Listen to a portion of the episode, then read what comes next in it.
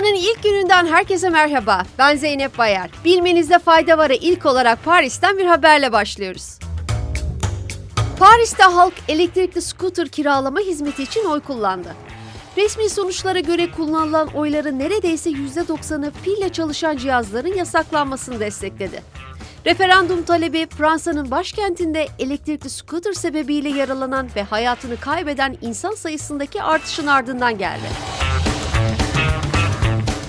Paris elektrikli scooterları benimseyen ilk şehirlerden biriydi. Ancak binicilerin genellikle kas takmaması ve 12 yaşındaki çocukların yasal olarak scooter kiralayabilmesi eleştirilere sebep olmuştu. Teknoloji sektöründen bir haberle devam ediyoruz. TikTok gibi Çin'de geliştirilen uygulamaların yoğun bir şekilde incelenmesinden sonra giyim ve yiyecek dahil birçok ürün satan Çinli uygulama Pinduoduo'da radara takıldı.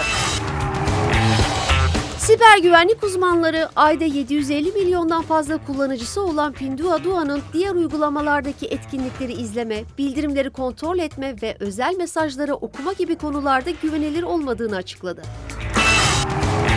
Birçok uygulama bazen açık izin olmaksızın çok sayıda kullanıcı verisi toplarken uzmanlar e-ticaret devi Pinduoduo'nun gizlilik ve veri güvenliği ihlallerini bir sonraki seviyeye taşıdığını düşünüyor. ABD'li restoran zinciri McDonald's işten çıkarmaya hazırlanıyor. Wall Street Journal'ın haberinde McDonald's'ın geçen hafta ABD'li çalışanlarına ve bazı uluslararası personeline e-posta göndererek pazartesinden çarşambaya kadar evden çalışmalarını istediği belirtildi. Haberde şirketin çalışanlarından genel merkezde satıcılarla yapacakları toplantıları iptal etmelerini istediği bilgisi verildi. Ancak söz konusu e-postada kaç kişinin işten çıkarılacağına dair bir bilginin olmadığı ifade edildi. Twitter'da bitmek bilmeyen düzenlemelere ilişkin bir gelişme yaşandı. Hatırlanacağı üzere Twitter 1 Nisan'dan itibaren hala hazırda mavi tik bulunan hesaplardan doğrulama rozetini kaldırmaya başlamıştı. New York Times'ın ve diğer bazı kuruluşların mavi tik için ödeme yapmayacaklarını açıklamasından sonra Twitter CEO'su Elon Musk konu hakkında eleştirilerde bulunmuştu.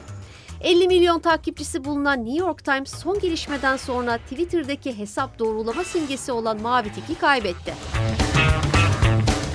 Hollanda'da teneke kutu içecekler için depozito uygulaması başlatıldı. Hükümetten yapılan yazılı açıklamada 2 yıl önce küçük pet şişeler için başlatılan uygulamada olduğu gibi bir teneke kutu için 15 sent depozito alınacağı belirtildi. Açıklamada amacın yılda yaklaşık 2 milyar teneke kutunun büyük bir kısmının sokağa atılarak doğayı kirletmesini engellemek ve geri dönüştürülmesini sağlamak olduğu vurgulandı. Küçük pet şişelerde depozito sisteminin uygulamaya girmesinden bu yana sokağa atılan şişelerin sayısının %50'den fazla azaldığı bilgisi paylaşılan açıklamada teneke kutulardaki depozito sisteminin Almanya, Finlandiya, Norveç ve Danimarka'da da uygulandığı belirtildi. Belçika'da çalışanları sevindiren bir haberle bilmenizde fayda varı noktalıyoruz. Belçika'da çalışanların mesai saatleri dışında işle ilgili iletişime geçilmesini reddetme hakkı yürürlüğe girdi. İş ve özel hayat dengesini sağlamak adına geçen yıl Belçika Federal Hükümeti'nin üzerinde çalıştığı iş gücü düzenlemesi kapsamındaki fişi çekme adı verilen uygulamanın 1 Nisan'dan itibaren başladığı belirtildi.